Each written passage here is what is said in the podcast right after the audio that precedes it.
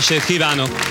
Ha önök sztárokat látnak a moziban, vagy akár itt a képernyőn, és közben mondjuk elábrándoznak arról, hogy milyen jó is lehet a sztárok élete túl a vásznon, hiszen hétköznapjaikban is szolgák serege veszi őket körül, lesik gondolataikat, és kizár dolog, hogy mondjuk bármelyik őjük is maga ágyazzon be, mielőtt elindul otthonról. Most ezeket a futó ábrándokat gondolom önök is csak tőlünk úgy 1400-1500 kilométertől számítva képzelik hiszen minnyájunknak van annyi józan realitás érzéke, hogy ne gondoljon, teszem azt udvaros Dorottya köré, kertészt, inast vagy szakácsnőt.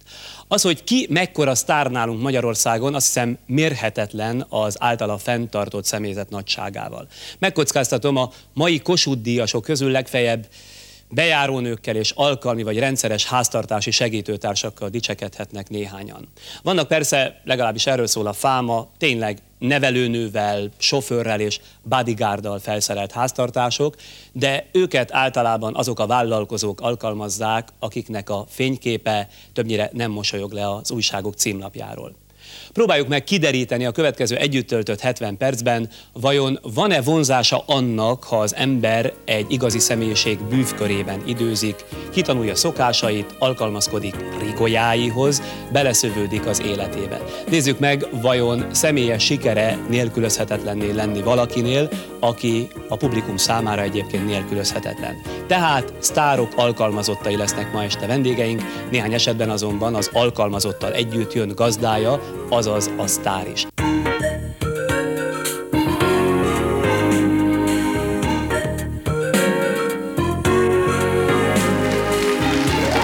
Ponti Hannáról tulajdonképpen annyi legenda született már az életében is, hogy máig kitartanak a szemét övező mítoszok.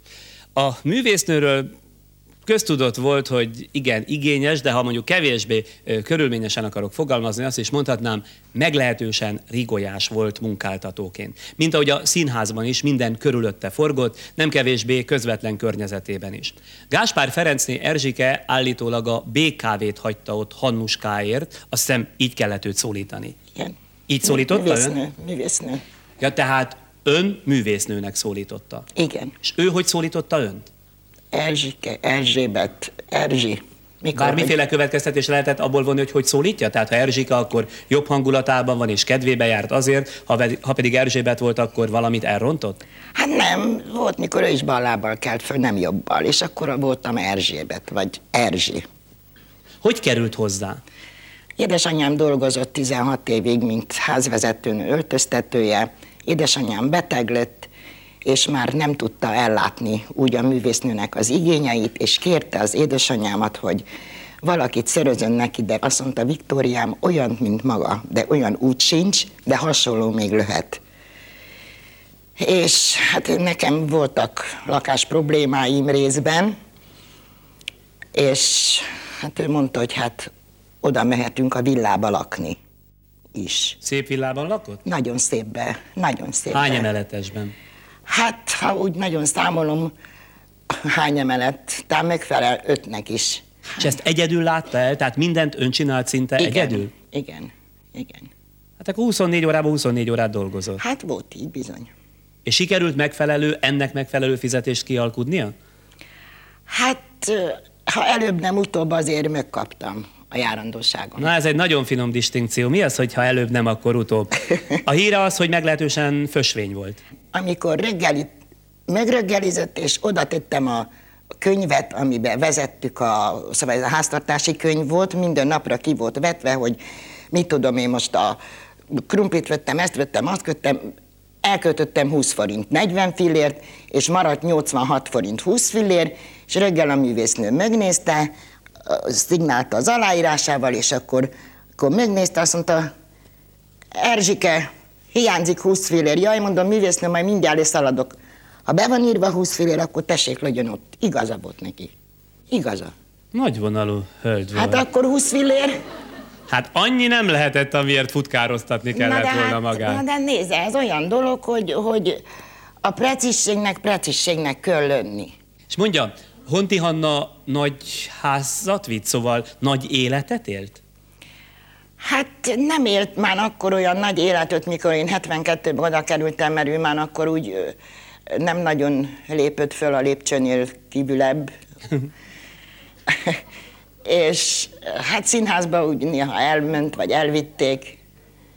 És Látogatója már nem nagyon volt az utolsó pár évben? hát meg is haltak már ugye azok a kollégái, vagy hogy nevezzem, társai. Szóval semmiféle ilyen magánélete, szorosan vett magánélete nem volt a Én művésznőnek? nem tudok róla. Nem tudok róla. De azért az legalább igaz, ugye, hogy háromszor legalább volt férnél. Hát hivatalosan háromszor férnél volt.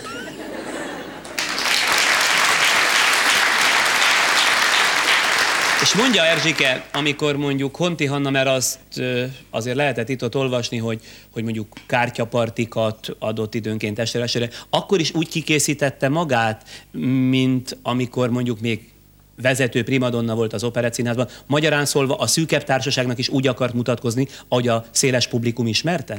Hát nézze, nagy estéit nem vött föl egy kártyapartihoz, de azért ő az utolsó percig, most mondjam azt, hogy, hogy hiú is volt, igaza volt. Hát nézze, egy nagy honti, az pótolhatatlan. Minden nap otthon például kisminkelte magát tetőtől talpig? Hát én magam láttam csak, hogy a babakrémet, ezt a pöttyös babakrémet, azt használta. És mégis szép volt. Amikor Erzsike kórházban volt, a művésznő férje, aki tulajdonképpen bebekapcsolódott tulajdonképpen Honti kiszolgálásába, meglátogatta ön, tehát a Hontival együtt. Igen. Elindultak, és útközben valahová betértek ebédelni. Meséli másnap a férjem, hogy képzeld, azt mondja, majd süllyedtem. Mondom, hún. Hát azt mondja, ott a izé mellett van, ott az Orfi mellett valamilyen kerthelyiséges vendéglő, vagy mit tudom én, minek hívták. És azt mondja, bemegyünk, azt mondja, és nézzük az étlapot, azt mondja a művésznő, hogy Ferke azt mondja, egy adag töltött káposztát, azt mondja, mögöszünk ketten.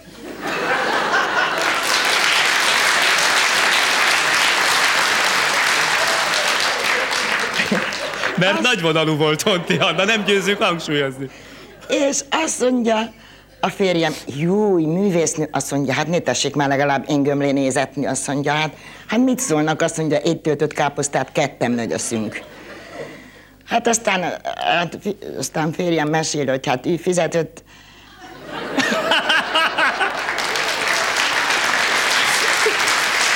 Ha már két adag, akkor fizesse ki ő. és hát, de nem csak az, hanem aztán nem tudom már mennyi volt, csak nem tudom azt pontosan, de hát se kevés, se sok boravalót nem adott a férjem, olyan nem tudom, de és akkor mondtam művész, hogy nem kellett volna annyi boravalót adni. Hát ilyen is volt. Szóval annak ellenére, hogy mondjuk a férje fizetett, meghatározta, hogy mennyi töltött káposztát egyenek, és ne adjon olyan nagy borra való. Hát ilyen is volt. És az igaz-e, hogy mondjuk Honti Hanna meglehetősen tisztaságmániás volt, mit meglehetősen, állítólag utolérhetetlenül. Hát az biztos. Tudom, hogy amikor kórházba volt a művésznő, a mentő vitte be, akkor az öcsém még nekem mentő sofőr volt, és azt mondta mindig, hogy hát a Jánoskát kéri. Az ön öccsét. Az én öcsémet, igen, unokaöcsémet. De az Jánoska már tudta, hogy, hogy akkor a steril ágyat kellett vinni, hát ugye úgy vitték Steril hordágyat. minden sterilizálva. Én is mentem a mentővel, és akkor gyorsan, míg gyűjt a mentő, összekapkodtam egy kis hipó, ultra, mit tudom én mi, és mikor bementünk a kórházba, bizony ott mindent fertőtleníteni kellett. Önnek? Nekem. Nekem. Hát én voltam a beosztott. És bármit is hagyott magára, vagy magukra? Igen. Én rám hagyott 30 ezer forintot a halálánál. De azért egy kicsit csalódott volt, nem? Hogy csak 30 ezer forintot kapott. Hát nézze, én akkor nem is fogtam ezt föl, mert eh, Többre számított, nem? még ennyire se. Úgyhogy Hát ez akkor szerencséje volt Hontinak magával. ki tudja. Én biztos vagyok benne. Köszönöm. Kezdettől fogva érdekelt, hogy a politikai élet ismert személyiségei közül vajon ki az, aki szereti, ha a közvetlen környezetében tartózkodik egy titkár, egy mindentudó mindenes. Azt is mondhatnám, egy olyan bizalmas, aki ha kell, irányítja a politikus körül a sajtó munkáját, viszont adott esetben, ha úgy hozza az élet, szerez valahonnan mondjuk egy csokornyakkendőt, ha teszem az gazdája, a pártelnök leeszi az előző sajátját. Molnár Robert, Tordján József mindenese, már nagy siker. Hivatalosan úgy mondják, protokoll titkára. Ismerettségük az elnök úrral hat évre tekintett vissza, és én legalábbis úgy gondolom, egy ambíciózus fiatalember azért kezd el titkárkodni egy ilyen fokon híres személyiség mellett, mert a saját politikai ambícióihoz vágyik egy kis előtanulmányra. Voltak éppen önök hogyan jöttek össze Torgyán doktorral? Hát az indítatást mindenképpen ez adta, hogy elegem lett a, a körzeti megbízott rendőrből, ugyanúgy nem csak nekem, hanem nagyon soknak másoknak is. És hát akkor kezdődött ez a demokrácia bimbózni, és megjelentek a pártok, és meghallottam egyszer Torgyán Józsefet beszélni, és hát mondtam, hogy ez egy jó fej, ezt meg kéne hívni ide. Csak azért, hogy bosszantsam a helyi rendőrt, meg ott a kommunistákat.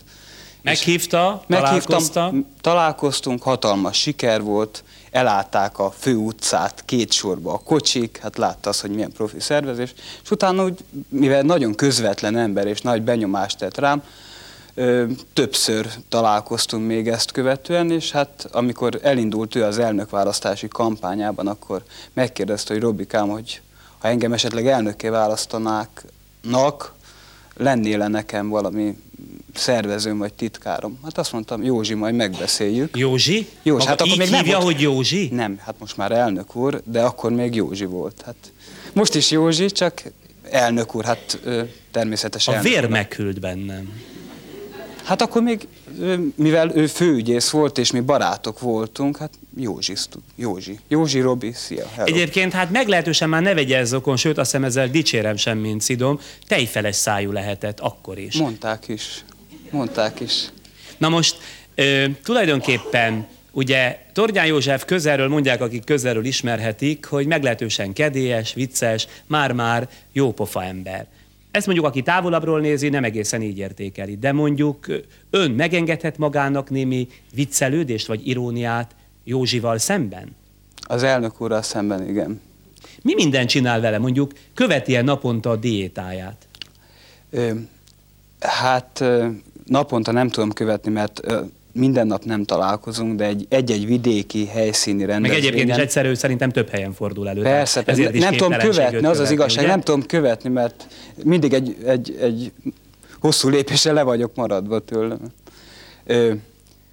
A diétájával kapcsolatban el tudom mondani, hogy őnek azért ügyelni kell a cukor szintjére. Hát ehhez képest azt hallom, hogy vidéken tortahegyeket szokott a magáévá tenni. Igen, hát ez, ezért leginkább én szoktam a rövidebbet húzni, mert nagyon nekem kellene ügyelni arra, hogy ő neki minden rendben legyen, de amikor elébe raknak egy tortát, akkor nem bírja meg. Akkor olyan, mint egy, egy gyerek a, a, a fagylaltjáért, tehát nem lehet elvenni tőle. Közelharcot folytat? Igen, igen, igen, azt hiszem.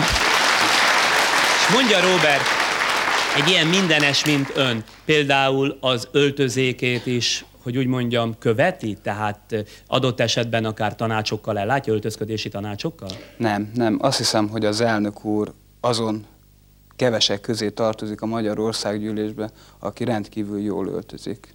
Hát egyszer-kétszer... Hát, Na jó. Jó, hát akkor... olyan, olyan csodálatos ö, felöltőim nem, nem, nem, nem, nem, mint nem, nem, nem, nem is azt kívánnám, hát képzelj, így jelenne meg Tordján, mint egy, De... mint, egy, mint egy ilyen torokfájós tevehajcsár. Mit szólnának a magyar parlamentben hozzá? De mondjuk van egy csodálatos citromsárga nyakkendője, speciálisan arra akartam rákezdeni. Azt vajon kiválasztotta? Azt nem tudom, én citromsárgát nem vettem, de már alka, alkalmam volt arra, hogy nyakkendőt vegyek neki, és inget is. Nagy nehézségek ára, mert 46-os talig kaptam a Váci utcába.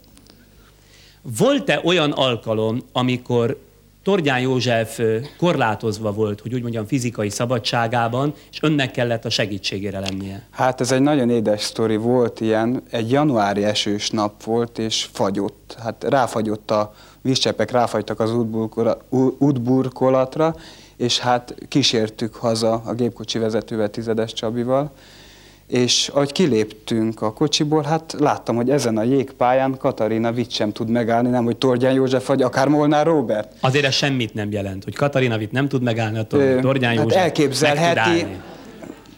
Hát sajnos nem így történt. Mivel bölcs ember a főnököm, ezért hát úgy döntött, hogy a házuknál nem a lépcső megy, hanem a kis lejtős kerítés mellett, hát mert ott bele tud a kerítésbe kapaszkodni, a lépcsőben nem igazán. És hát megy az elnök a lépcső vele, és illetve a, a kerítésnél, ahogy lejtott a út, és ilyen kiálló kis vaslemezek, akár nem tudom szakszerűen kifejezni magam, állnak ki, és megcsúszott az elnök, de olyan szerencsétlenül csúszott meg, hogy a kabátjánál fogva fölakadt a kerítésre. Tehát megmutat, valahogy így állt az elnök, ja, be volt a, a, a, a galléria, vagy a kabátja gombol, és vagy így áll az elnök, azt mondja, akasszatok le, kiabál nekem. Elkezdtem rohanni, hát úristen, hát a torgyán ö, lóg a kerítés, hát most valamit kellett csinálnom, hát rohantam a jégen. Odaértem egy száltó mortálit, levágtam, és ráestem az elnökre, úgyhogy, úgyhogy nem... Úgyhogy nem igazán tudtam neki segíteni, de hát a, az arkangyalunk, a gépkocsi vezető, aki egy nyurga fiú, tizedes Csabi, ő volt az, aki végül is levett engem az elnökről, és utána az elnököt is leakasztottuk a, a kerítésről, úgyhogy Szép utána, utána egy, utána egy hata, csodálatos volt, úgyhogy kicsi rakás nagyot kíván, mondtam is. Ja, és nem mertem Hogy, hogy nevetni. mondja, Kicsi jól rakás. gondolja meg minden szavát, mégiscsak az Igen. elnök úrról beszél. Hát természetes, arra ügyelek is. Az, hogy főnöke, az elnök úr műszaki antitalentum, az hogyan függ össze egy bizonyos Csajkovszki kazettával? Az elnök úr fia fölvette egy síma hanglemezről, tehát nem CD lemezről, Csajkovszki valamelyik hegedű versenyét, Á, hogy kazettára. kaz, kazettára, amit ö, út, út során lefele tud hallgatni az elnök, és közben ö, készül a, a beszédére, vagy az előadására.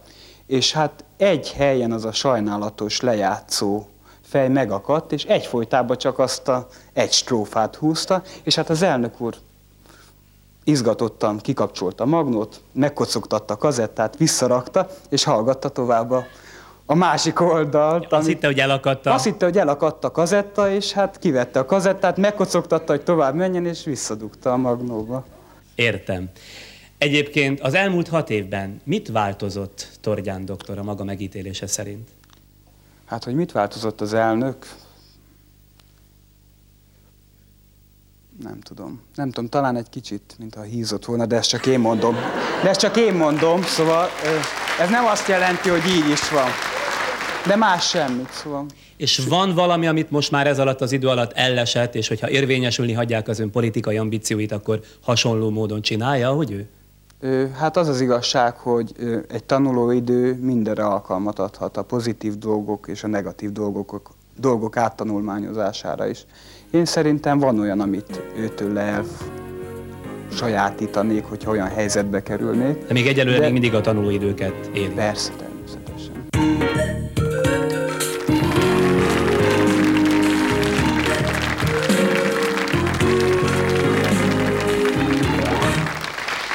Következő vendégünk Szente Györgyi Marika.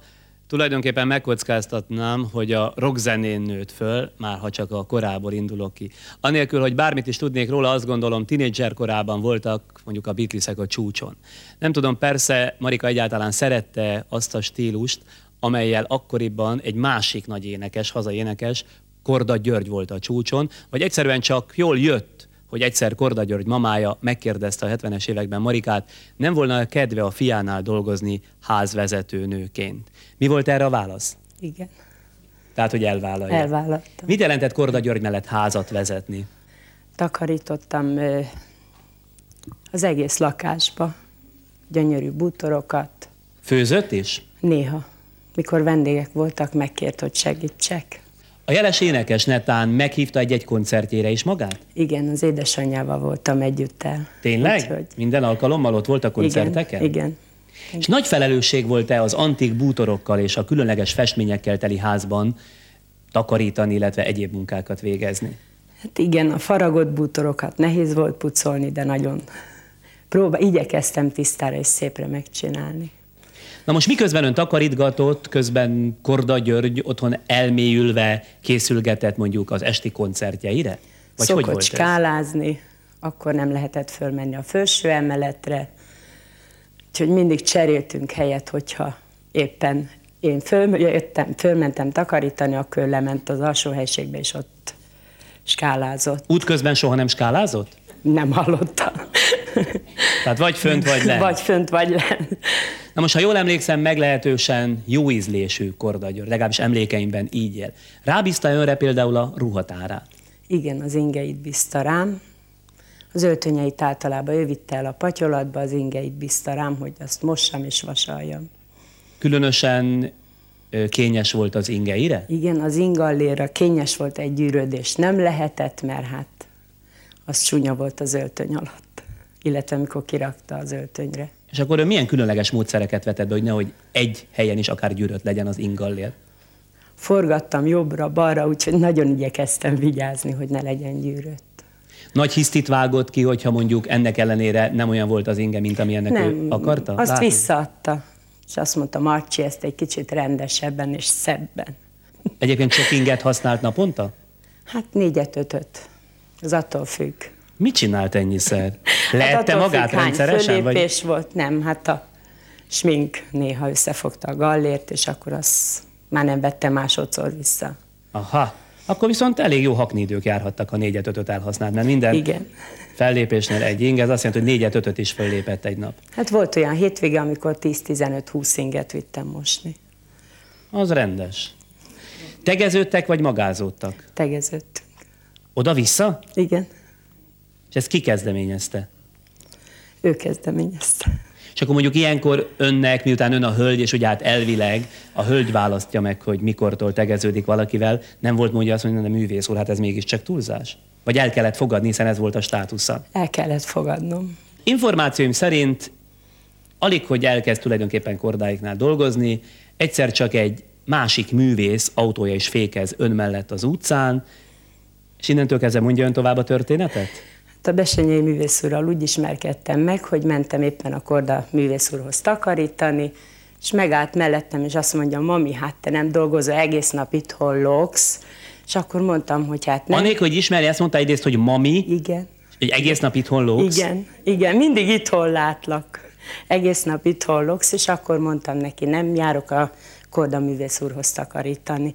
És akkor mondta, hogy lejön egy alkalommal, fölvisz és megmutatja a lakást, hogy vállaljam elő nála is a takarítást. Egy ideig akkor párhuzamosan csinálta? Igen, És aztán miért kötött ki inkább Besenyei Ferencnél? Több pénzt adott? igen. Nem szégyen az. Na most Besenyei művész urat, hát ugye többek között heves vérmérsékletéről ismeri a közönség. Magánéletében is ilyen heves vérmérsékletű? Nem. Na milyen? Meséljen egy kicsit. Kedves, aranyos. Hát fogadjuk ezt azért mondja, mert tudja, hogy mindjárt bejön. Nem. Hány éve nem találkoztak? Négy-öt éve nem találkoztam. Mióta nem dolgozik nála? Igen, hát... Akkor lesz miről beszélgetni. Következik Besenyei Ferenc.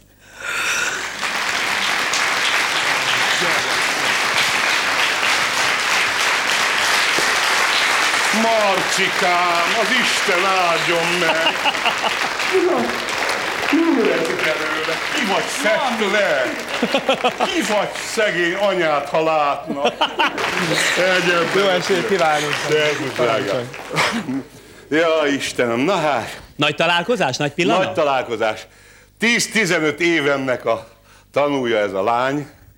Borzasztó, 15 évig bírta a hisztériámat. Olyan zseniálisan, olyan.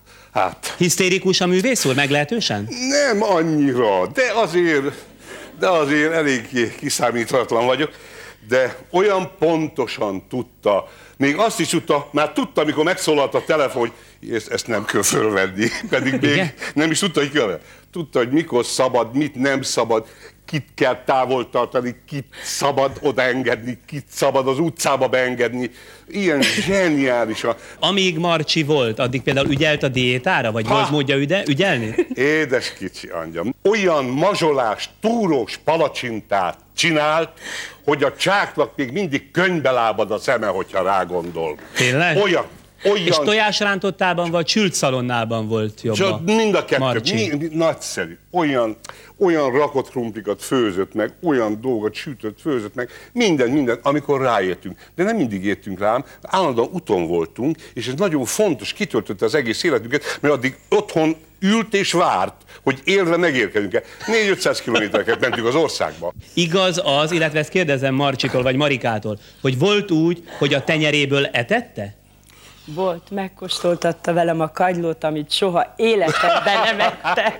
És magába erőszakolta? Igen. Azt mondta, kóstold meg, mami, finom, nem halsz meg. Én se haltam meg tőle, te se halsz Miért meg hívta tőle. egyébként maminak? Utá. Mert Nem. olyan mamis formán Olyan mamis volt. formán Akkor is már? Akkor Igen. is, igen. Mindig ilyen mamis formás voltál. És mikor haragudott, akkor hogy nevezte? Hogy hívta? Akkor harag volt. Akkor harag volt. Nem haragudtam én rá. De Mi a miért fenér- haragudott? Mivel Mi a fölbosszantani? haragudtam volna rá? Miért? Amikor az asztalát összepakoltam, összerámoltam. Amikor- azt mondtam, amikor Marcsi, rendet csinált. Amikor rendet csináltam, az azt mondta, Marcsi, Azt- azt, azt hagyjad, ahhoz ne nyújj. Azt utálom ma is, ha valaki rendet csinál. Azt mondja, tudni, a rendetlenségben nagyon nagy fantázia van. A rendetlenségben benne vannak olyan dolgok, amik egyébként sose kerülnének elő.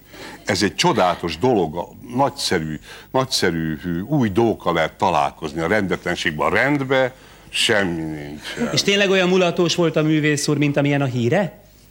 Pajtácsok összeültek nálunk, de, de ilyen nincs, hogy... Ah. Olyan De nincs. nem is járunk, Olyan hova, nem hova fenébe járnánk? Hova? És amikor megnősült, beszámolt Marikának, hogy új nő áll a házhoz? Persze, persze, persze. Tudta. Hát ő azt tudta, már ismerte régen. Ismerte régen. Hát nem volt velünk. Nem volt velünk az Eszter, mert ő Münchenben volt orvosegyetemen, ott tanult, ott, volt kint tíz évig, aztán úgy járt haza. De azért ez egy sajátos viszony lehetett, ugye? Hát egy darabig a későbbi felesége nem élt, ugye, Igen. önökkel. Tehát Igen. önök voltak inkább ketten Igen, együtt. ketten, igen. Nem volt féltékeny Eszter Marikára? Ennyi már. Ennyi már. Hát úgy se tudta volna meg. Marika, milyen személyes emlékeket őriz a besenyei korszakából? Egy pár levelet, Pár meg levelet? volt egy fényképem is, ahol együtt isszuk a reggeli áldomást, a viszkit, mielőtt fölmentem a konyhába. Ez így kezdődött minden nap? Így, nem minden nap. Milyen levél te? Miket írt? Ha szerelmes, azt ne Ilyen olvassa föl. Marikám, te 31 éves tak. Jaj, te születésnapod volt. Mi? Hí, Vihet a kutyáknak reggel este virágokat, és naponta ölel, ölel az öreg. Az én voltam? Igen. Drága, a külső virágokat is locsold meg. Igen. Na, igen. Va- Valahol megint mentem. Igen. Az a, az a, az a csinál. Ezt így nem értjük. Pont, a palikám, Patron. patront szerez, szódát csinálj, a bor a hűtőbe, jó, Igen. igyel.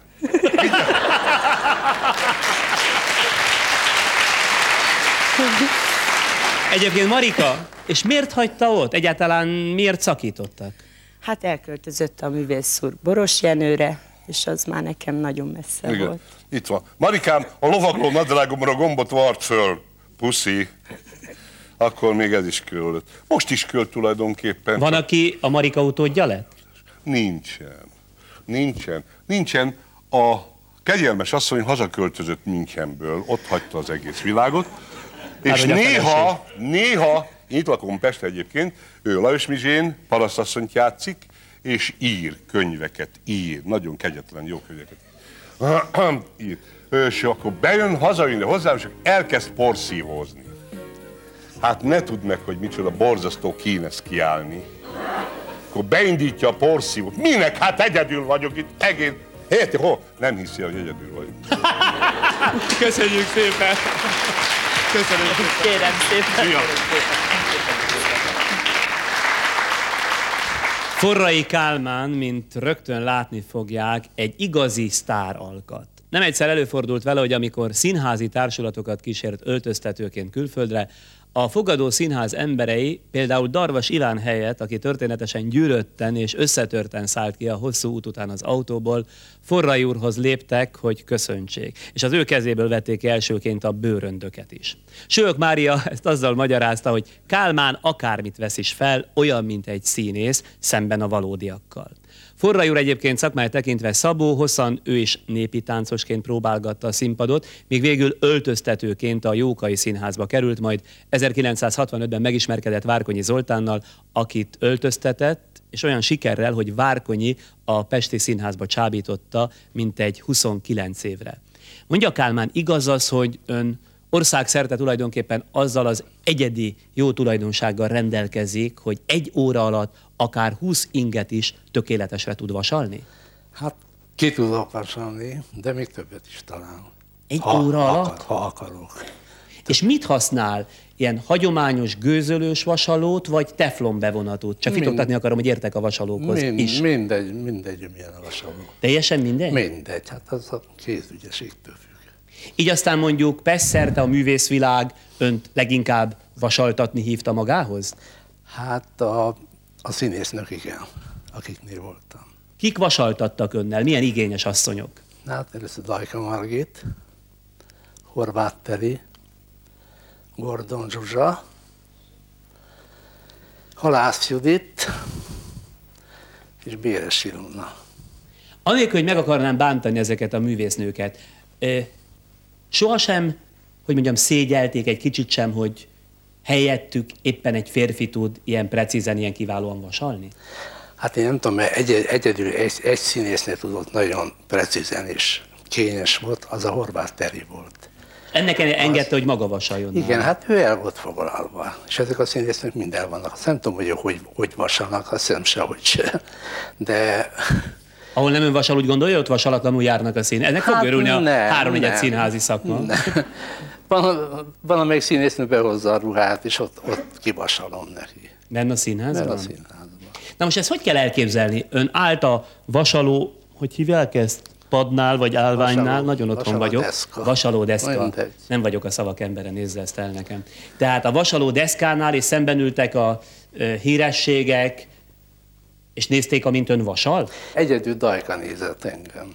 Az csodálatosan nézett engem, és az oda könyökölt az asztalhoz, és nézett engem, és az nagyon szeretett engem. Az, egyébként a Dajka az, az volt az első, aki igazán becsülte és Horváth Teri a munkámat. Mondja meg, de igaz lelkére, ön tulajdonképpen lenézi azt a hölgyet, legyen az bárki, aki mondjuk nem képes a vasalót olyan boszorkányos ügyességgel kezelni, mint ön? Nem nézem le. Tanfolyamot azért nem tart. Nem tartok tanfolyamot. Hát hiszen az a pénzére menne, így van?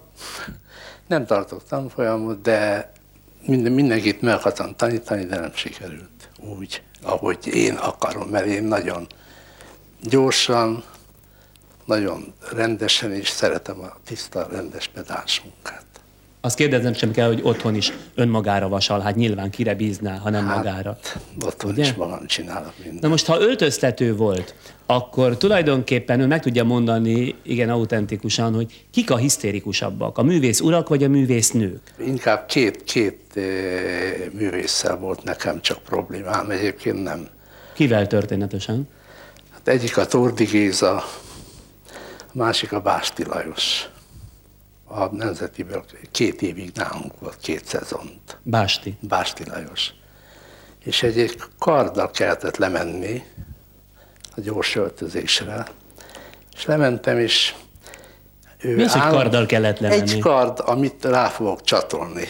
Uh-huh. Ami, amit rá kell majd csatolni. És ki, ő állandóan, hogy, hogy járt ivott szalbuszvizet.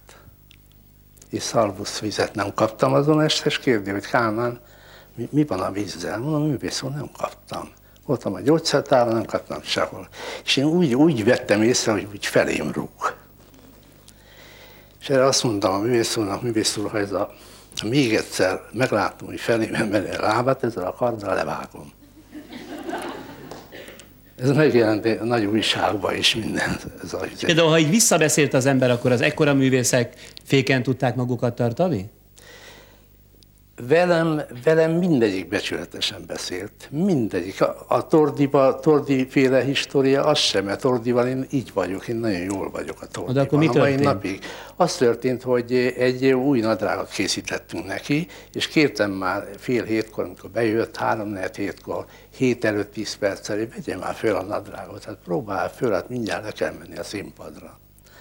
Erre azt mondta, hogy hát majd ráér, ráér. És akkor fölvette, amikor már szólította az ügyelő, hogy Tordi Gézát kérem a színpadra, fölvette, és nem volt jó neki.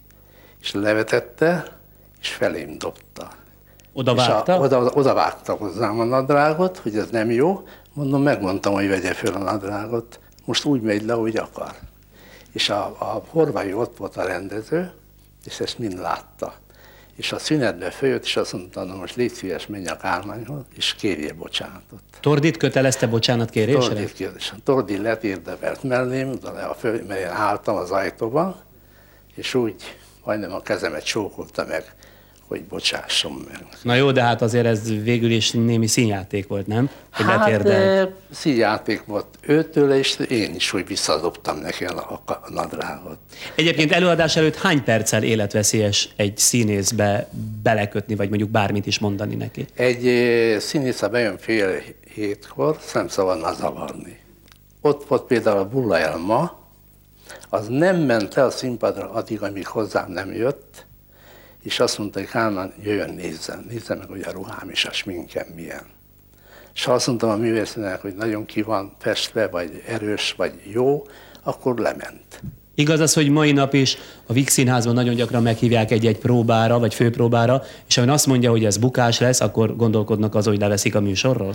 Hát éppen nem veszik le, mert a bérletnek le kell menni. De én meg tudom állapítani, hogyha én megnézek egy főpróbát vagy egy premiért, hogy az sokáig megy, vagy, vagy kibírja a, a bérleti. Na hát akkor mi most közös erővel azt fogjuk megállapítani, hogy ön sokáig megye, sokáig fog-e még vasalni, vagy éppen csak kibírja a bérletét, jelképesen fogalmazva. Igen. Előkészítettem itt, azt hiszem a kosárban 10 ing van. Igen? Hát az azt jelenti, hogy fél óra. Fél óra nem hiszem, hogy hátra van a műsoridőből, úgyhogy próbálja meg a műsoridő befejezéséig olyan, Ezt most vasaljam ki? hát igen, olyan szintre vasalni, ahogy szokta. Jó? Rendben Kérem van. szépen, ott kezdjen hozzá, minden kellék van. Akkor meglátjuk. Harasztovics Mária egyetemistaként babysitterséget vállalt, és a véletlen úgy hozta, hogy éppen az akkoriban roppant népszerű Halló, itt vagyok című rádióműsor kitalálójánál, Szilágyi Jánosnál. Az ember arra gondol, hogy egy népszerű rádióriporter és egy ismert pszichológus nő, Szilágyi akkori felesége, tipikus zűrös értelmiségi életmódot folytat. Tehát ahhoz, hogy egy kisgyereknek rendszeres, normális életmódja legyen, igencsak szüksége van egy mindentudó pótmamára. Ez volt ön? Igen. Előttem egy idős néni volt, és azért volt szükség felújításra, mert a néni már nem tudott ott aludni náluk, ha úgy adódott, hogy későn értek haza. Mekkora megpróbáltatás volt önnek alkalmazkodni egy ilyen zűrös életet élő családhoz? Nem okozott különösebb problémát. Ők jöttek, mentek, instrukciókat adtak, hogy éppen mikor kell lefeküdni a jutkának, vagy vacsorázni is kell neki, és ehhez alkalmazkodtam. Tulajdonképpen csak végrehajtó volt, vagy pedig nagyon gyakran konstruktívan is beleszólt a gyerek nevelésébe? Nem, inkább csak végrehajtó voltam, mert általában az esti órákba érkeztem oda, este olyan 6 óra, 7 óra között. Tulajdonképpen mennyire folyt bele a család életébe? Mennyire volt beavatva a két fél által, tehát Szilágyi János, illetve feleség által a család életében? Volt úgy, hogy abszolút nem volt semmiféle magánbeszélgetés, aztán előfordult, hogy ugyanazt a történetet hol az egyik féltől is hallottam, meg a másik féltől is. Gyakran tehát ön volt ilyen értelemben a villámhárító? Az, hogy gyakran az túlzás, de előfordult, hogy, hogy hallottam ugyanazt a problémát innen is, onnan is. És akkor mondjuk egy babysitter hogyan foglal állást? Én a legkényelmesebb megoldást választottam, hogy végighallgattam mind a két felet. Magamba ugyan, egyik, mikor az egyiket hallottam, akkor nekiadtam igazat, mikor a másik felet hallottam, akkor nekiadtam igazat. Össze nem hozhattam őket, hogy lányok, fiúk üljünk le és beszéljük meg ezt a szerepet. Idáig azért nem terjedt a státusza, Nem, nem. de ugyanakkor, hogy a státuszát megtartsa, ez volt a, A- legelfogadhatóbb igen, magatartás, igen, ugye? Igen, igen. Milyen benyomása volt Szilágyi Jánosról? Milyen ember ő? Annyi mindent mondanak. Megígérte például Jutkának, hogy elviszi színházba. És fél órával az előadás előtt, mikor már ott topogott, hogy indulni fog, A gyerek? Akkor, a gyerek, akkor jött egy telefon, hogy közbe jött valami, valami nagyon fontos dolog, általában mindig fontos dolog jött neki közbe, és emiatt nem tud elmenni vele színházba. És ilyenkor önnek kellett megvigasztalni a gyereket, Hát nyilvánvalóan. igen, igen. Ezt a mai napig is tartjuk a kapcsolatot, tehát ő a kislány, kislány 23-24 éves Jutka, nem él Magyarországon, de ha éppen itthon van, akkor mindig meglátogat. Aztán később is a család, hogy úgy mondjam, érdekszférájában maradt, mert ugye elvégezve a közgazdaság egyetemet önből könyvelő lett, és egy darabig még a feleknek könyvelt, nem? Vagy hogy volt Igen, ez? hát elvégeztem az egyetemet, először a feleségnek a GMK-ját könyveltem, utána megszakadt a kapcsolat, és 90-ben kiváltottam a vállalkozó igazolványt, mint könyvelés és adótanácsadásra, és egy teljesen véletlen szituáció folytán három hónap után sikerült találkoznom a Szilágyi Jánossal. Megkérdeztem, hogy hogy van, éppen mit csinál, utána megkérdezte, hogy Mari drága, és magával mi van, mert hogy náluk a, a János részről mindig Mari drága volt a megszólítás. Mari drága? Igen, Mari drága. Igen, ez volt maga a szerette? Érdekes, én korábban nem szerettem, ha Mariznak, de Jánostól fura lett volna, ha azt mondja, hogy Marika, vagy Mária. A drága már föl sem tűnt Az már önnek. föl, Ö, Mari drága, ez egy ilyen megszokott dolog volt. És akkor derült ki, hogy én könyvelést csinálok, és akkor csapott a fejére Szilágyi János, hogy jaj, de jó, mi is alakítottunk most egy KFT-t, vállalja a könyvelését? És akkor mond- mondtam, hogy igen, vállalom, mert tényleg az indulásnál voltam, tehát még nem voltak annyi ügyfelem, hogy ne Hát, jó, és jött bele. egy ilyen név, hogy a Igen. klientúrájába tartozik Igen, Szilágyi igen, igen. János. Na akkor most ismét találkoznak, mert azt hiszem időközben ez a kapcsolat is megszakadt. Jöjjön be, Szilágyi János.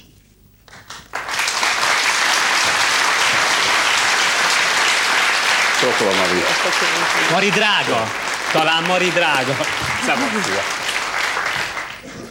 Emlékszel-e arra történetre? Egyáltalán milyen emlékeid vannak Mariról? Mari drágáról?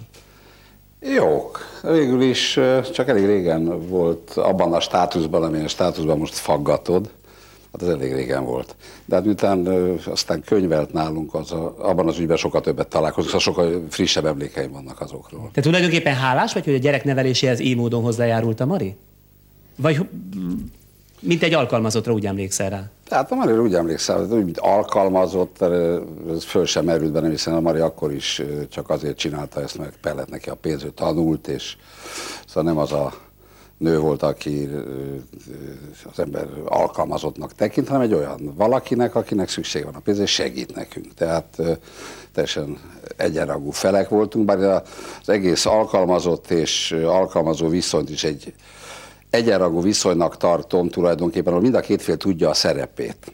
Ez nem azt jelenti, hogy egyenrangúak abban a dologban. Tehát akkor valóban a, ö, az alkalmazott az alkalmazott, én mondom meg, hogy mit csináljon, én kérem meg, ez természetes. De itt az elmúlt pár évtized alatt ez a dolog elromlott. Ugye az emberek nem tudnak bánni az alkalmazottakkal. Én magam, és épp valamelyik nap beszélgettem egy társam, hogy mi volna, te annyi pénzünk volna, hogy volna kertész, szakács, ta, ta, ta, ta. Mondtam, hogy gyerekek, én nem is tudnám, hogy kéne ez bánni velük, mert ez ki van belőlem írva, nincs meg az a fajta kellemes, igazi, ami a másiknak is jól esik, távolságtartás, ami egy alkalmazott és egy alkalmazó között kell, hogy legyen. Itt mindenki diskurál meg. Tehát arra gondolsz, hogy mondjuk vagy bejjebb lép, vagy túl nagy távolságot tart a gazda vele? Szóval, Igen, hogy, úgy hogy gondolom, nincs meg ha a valaki, megfelelő arány? valakinek valakije, sofőrje, szakácsa, egyebe, az nagyon szereti, ha van egy három lépés közöttük. Hiszen ő a konyhába az úr, én máshol vagyok a főnök, én a főnöke vagyok, mert az én alkalmazásomban áll, de ő nem ö, alacsonyabb rangú attól, hogy nekem behozza az ételt, vagy kipucolja a cipőmet. Ez a szerepe.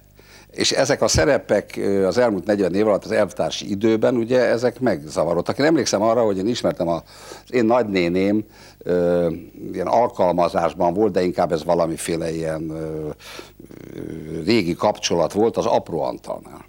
És az apró Antal, ugye akkor egy nagy főnök volt annak idején, a 60-as, 50-es, mindenes években, és én voltam egy-kétszer a lakásukon, és teljesen ledöbbentem, hogy ott volt egy vagy két alkalmazott, aki ott lakott, és elvtársazták egymást. Az elvtársnő legyen a kedves behozni a húslevest. Igen, elvtársnő mondta.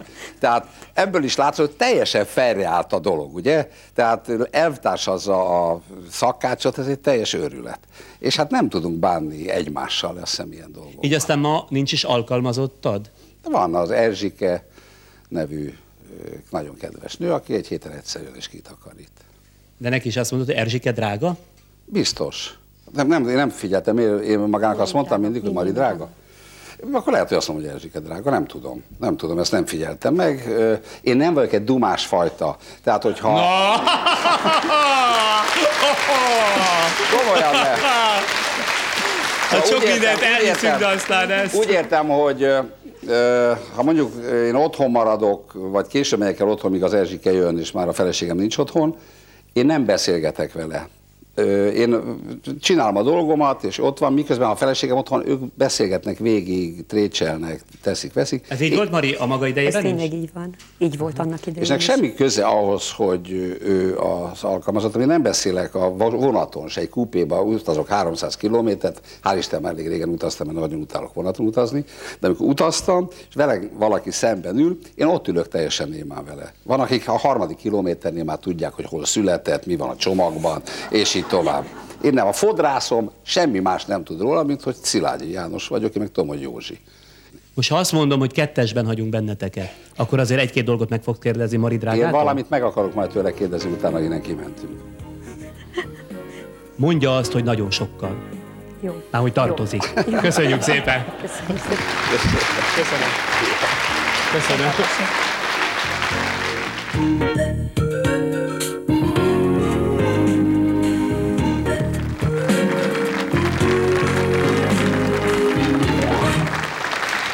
Szeretném eloszlatni azt a tévhitet, hogy valakihez elszegődni, főzni vagy háztartást vezetni csak nőkre jellemző. Továbbá azt a saját tévhitemet is szeretném eloszlatni, mely szerint azok, akik valaha kiszolgáltak különböző sztárokat, mára már mind-mind nagyon öregek, ha egyáltalán élnek még.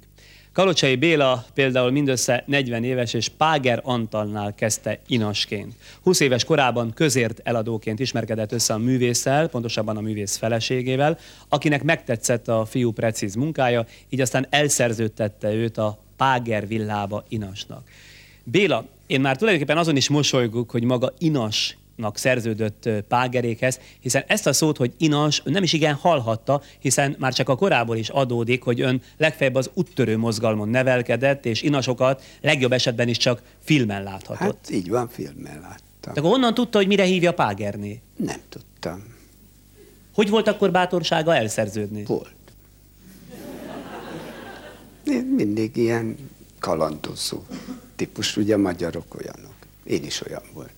Na de várjon, hát mondjuk, mondjuk azért, azért, azért elkerülni egy ilyen nagy művész mellé, hát azért az bizonyos követelményekkel együtt járt. Mi mindent kellett egyrészt csinálni? Mit jelentett, ö, mit Már vártak ott el öntől? voltam? Már mikor ott voltam? Mindent kellett. Először igazán nem kellett.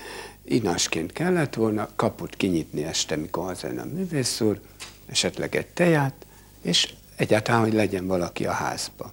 Ezzel kezdődött. És akkor, tudom, egy hét múlva már egy rántottát is kért a művész úr, egy hónap múlva már ebédet főztem, és egyszer csak kiderült, hogy én vagyok a házvezető. Tehát nem inas, hanem mindenes magyarul. De Tehát mondjuk akkor- egy levest megfőzni, hát azért az feladat. Igen, Honnan, akinek, miből akinek tudta? probléma. Nekem nem volt, megtanultam. Mi ott volt maga előtt a receptes könyv, és akkor föllapozta a lebencs levesnél mondjuk, Pontosan, mert szerette. akkor ezt eltalálta, és, és És- akkor azt szerint csinálta? Igen. És ilyen kis könnyű kajákkal kezdtem, öreg tarhonya, meg ilyenek, mert ő makói, és szerette ezeket. És ha elszúrta, akkor mi volt? Megfogtam, kiborítottam, újra kezdtem. Milyen sűrűséggel volt az első időkben önöknél ebéd? Hetente egyszer legalább volt? Elejében úgy volt, hogy először zacskóból, akkor valamit rásegítettem, aztán e- az, utána már az enyémre segítettem rá. A, először az acskóra segítettem rá az ízekkel, utána fordítva az enyémre segítettem a Zacskóból. És egyszer csak kiderült, hogy nem kell zacskó. És elkezdtem fánkot sütni. Fánkot sütni is tudott? Igen, igen, hát tudok még most is. Igen. Mennyit Nagyon- kellett ahhoz kiborítani, hogy az első fánkot megegye? Sokat, sokat. És hogyan tudott mindezen közben magánéletet élni? Egyáltalán szabad volt? Szabadni szabad volt, de nem tudtam. Nem, tudott? Hát idő, ez véges volt. Hát este az, az ebéd után ugye háromkor leszettem, négy-ötig volt pici időm, és akkor készültem esetleg a vacsorára, mondjuk ha fogast kért roston, akkor ugye azt oda kell készíteni, hogy Idáig tízre meleg. Fogas roston? Ráértem, megtanultam. Igen. Mondjuk Páger Antal otthon, amikor már mondjuk kevésbé volt aktív, milyen életet élt? Nézte például magát vissza filmekről? Hát az aktív élet, ugye gondolom a színházira gondol, mert egyébként egy stram, jól tartottam, minden nap üdén, kölnizve, frissen borot. Minden nap így jött le a emeletről, danolt, beköszönt a konyhába nekem, vissza, szóval így aktív volt, a színházilag azt nem. Ö, mi volt a kérdés? Az, hogy otthon mennyire tekintett vissza saját pályafutására. Igen, mikor mentie. A, az, hogy pályafutás, az nem hiszem, hogy így nézte. Mindig megnézte, az akkor éppen bemutatott. Tudom, volt a professzor a frontra, megy, az valami tetszett neki. Meg minden. Szóval élvezte. Önmagát. Így is mondhatjuk. Mondja, és például nagy élet folyt akkoriban Págeréknél? Tehát rendeztek mondjuk nagy házi mulatságokat? Házi mulatság túlzás, de volt sok személyes ebédek voltak. Nem tudom, Ez szerint híres lett a főztjéről. Szó szerint. Hát a Muráti Lili meghívott, azóta is kéne mennem Madridba, gondolom az én pénzemen, hogy süssek neki fánkot. Úgyhogy meg vagyok hívva, mert ő meglátogatta egyszer, és annyira megizlett neki, hogy meghívott egy fánksütésre. És például kellett viselnie odahaza valami inas ruha félét? Nem kellett, de a konyhába ö, fölvettem, volt ilyen, még a cselédsorból ott maradt kö, kö, fehér kötényt, úgyhogy az meg praktikus is. Fehér kötényben tette Igen, le a van ez a kis, nem tudom, lányok ismerik, olyan. Zsebbikéve, hogy a konyolát, ha éppen be kell engedni, valakit berakom, és hogy ne. Hát ez jó pofa lehetett. Igen, jól És néztem a csöngettek ki. és így nyitott ajtót volt nagy hökkenet? Hát a faluban már megszokták, hogy én kötényben nyitok ajtót. Törölgetem, mint falun szokták a nénik, és kinyitom a kaput. Na most, amikor elváltak útjait Págeréktől, akkor tulajdonképpen a művészvilágnál talált új gazdára? Hát rám találtak inkább így, hogy a Páger úr úgy látszik, én hintette engem a színháznál, mint bejáró vagy házvezetőt, és rám lecsaptak bent, úgyhogy én engem rögtön a Rutkai átvett, és a Latinovicsnál kötöttem ki. Kiderült, hogy ő a Latinovicsnak szerzett meg engem, mert úgyhogy mikor én eljöttem a Págertől, akkor a Latinovics Na, haláláig nála voltam. Hát ő, amennyire legalábbis a híre terjed, nagyon-nagyon nehéz ember volt. Nekem azért nem volt nehéz, mert én nem tudtam, hogy beteg. Tehát tulajdonképpen nem kaptam hozzá, úgymond használt utastást, hogy ő beteg és külön, gond, külön figyelmet igényel. Én ugyanúgy kezeltem, mintha, mintha Páger lett volna. Ő ugyan mondta, hogy most jött haza a kórházból, és ezt meg ezt mondta az orvos, jó, konstatáltam, de semmi ilyen probléma nem volt. Tehát én észre se vettem, hogy ő beteg. És az ő háztartásában is mosott, főzött, takarított, tehát minden? Az aprót mostam, mert a mami, az ő édesanyja, az hordta a nagy ruhát, de a napi, a fellépő ingeket, meg, meg a nagyon nem étkezett, állandóan úton volt, meg próbált az operetbe, akkor volt ez a Bozzi bemutatója. Tehát tulajdonképpen nem, és ő nem is volt olyan igényes, hogy mint egy női házveze, ház, hogy mondják? Tulajdonos vagy Tulajdonos, gazda. igen, hogy ö, kesztyűvel nézze a porokat. Hát fölmentem, ami mosogatóba volt, rendbe tettem, fellépőruhát készítettem, és rázártam, a fürdőkát, szóval rendbe tettem. Latinovics halála után szükségszerű volt az, hogy Rutkai Évához került. Nyilván ő maguknak vett oda, mert akkor ez azért egy há, ö, párnak, pár volt, hát ugye a Rutka- Bár külön éltek, de Igen, igen, de ők azért néha összejöttek, és ö, tehát mint szándék, ez nyilván úgy volt, hogy maguknak vesz oda, de ahhoz, így, hogy a sors másképp rendezte, így nem is, ez automatikusan nálam maradta, mert lezártam a halála után a villát, és akkor lejelentkeztem nála, és akkor azt mondtam, hogy akkor holnap jöjjek, és akkor folytatott. Ugyanúgy folytatódott minden. Szavát ne feledje, Kálmán készen lett? Na jó, azért ezt megnézzük, bocsánatot kérek. Mit néz, siet, vagy milyen Hát néz ez? nem, ó? mert több volt ez, mint fél óra, az a. Hát milyen gonosz, most mondja meg. Alkalmazottak egymás között. Jó. Hát nem azért mondom, de azért itt vannak gyűrődések. Igen. Na, hát már Nincs belocsolva az úgy, ahogy kellene, és locsolás nélkül nem lehet. Tehát, Ja, szóval nem locsolták be a kollégáim annyira, de mint kellene? én magam is locsoltam rajta, de... Azért gratulálok. Köszönöm szépen. de, de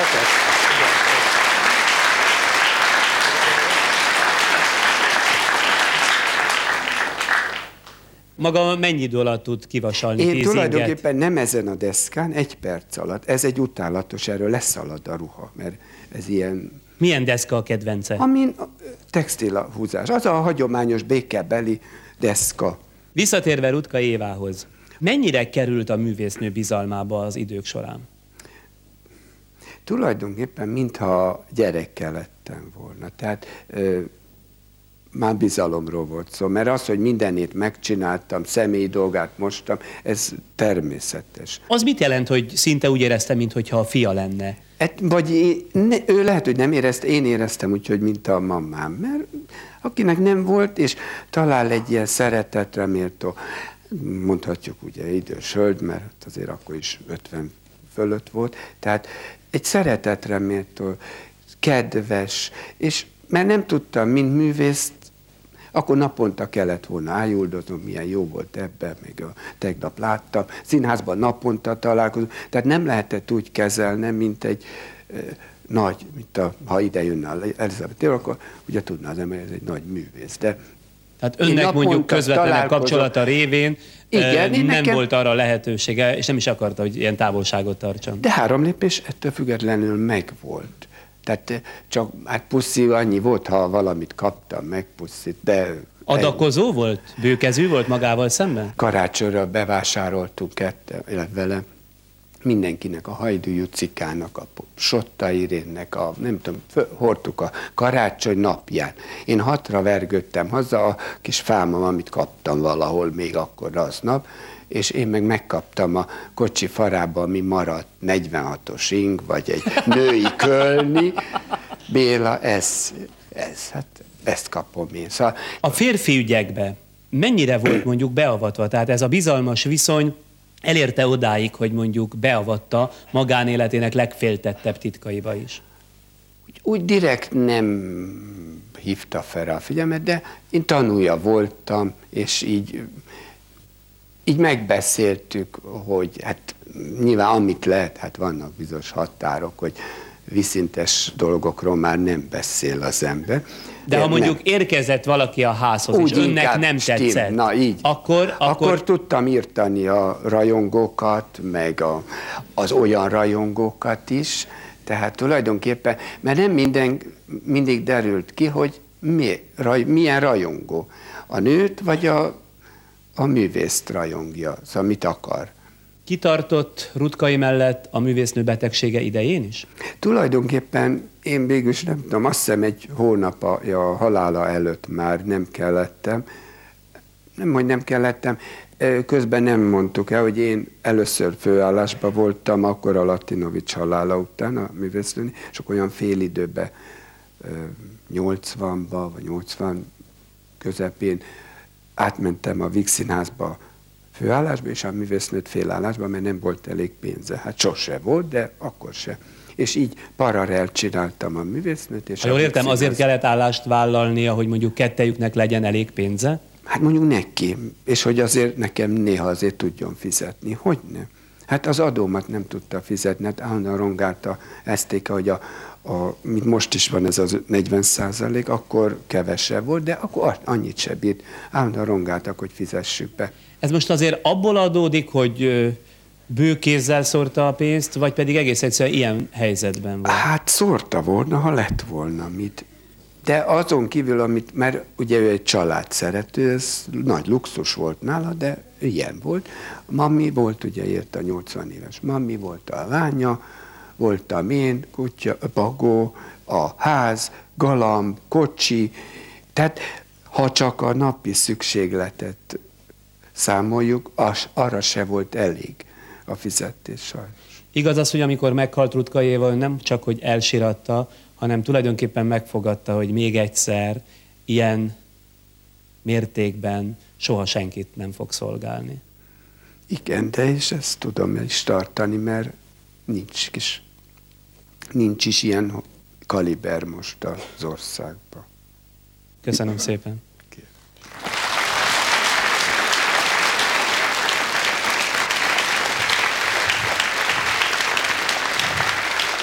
Valószínűleg önök sem feltételezték, hogy azok az emberek, akik közszereplők vagy nagyművészek, sztárok szolgálatában tevékenykednek, olyan fajta intimitásokat fognak kifecsegni számunkra, amelyek döntően befolyásolhatják a művészekről kialakult képet. Magam lettem volna a leginkább ellensége annak, hogy bárkiről is meghatározó újdonságokkal egészítsük ki a nagy érdemű közönség eddigi információit. Mindezzel együtt persze a ma este hallott nüanszok reményeim szerint azért mégiscsak árnyalták a képet Pontiról, Rutkairól, Págerről, Tolnairól, Besenyeiről, vagy éppen Szilágyi Jánosról. Még akkor is, ha azt mondhatjuk, néhány lényegtelen gesztussal, vagy apró, de érdekes epizóddal ismerkedhettünk meg egykori és mai sztárok életéből. Akikről viszont egy picit pontosabb képet kaphattak maguk az alkalmazottak.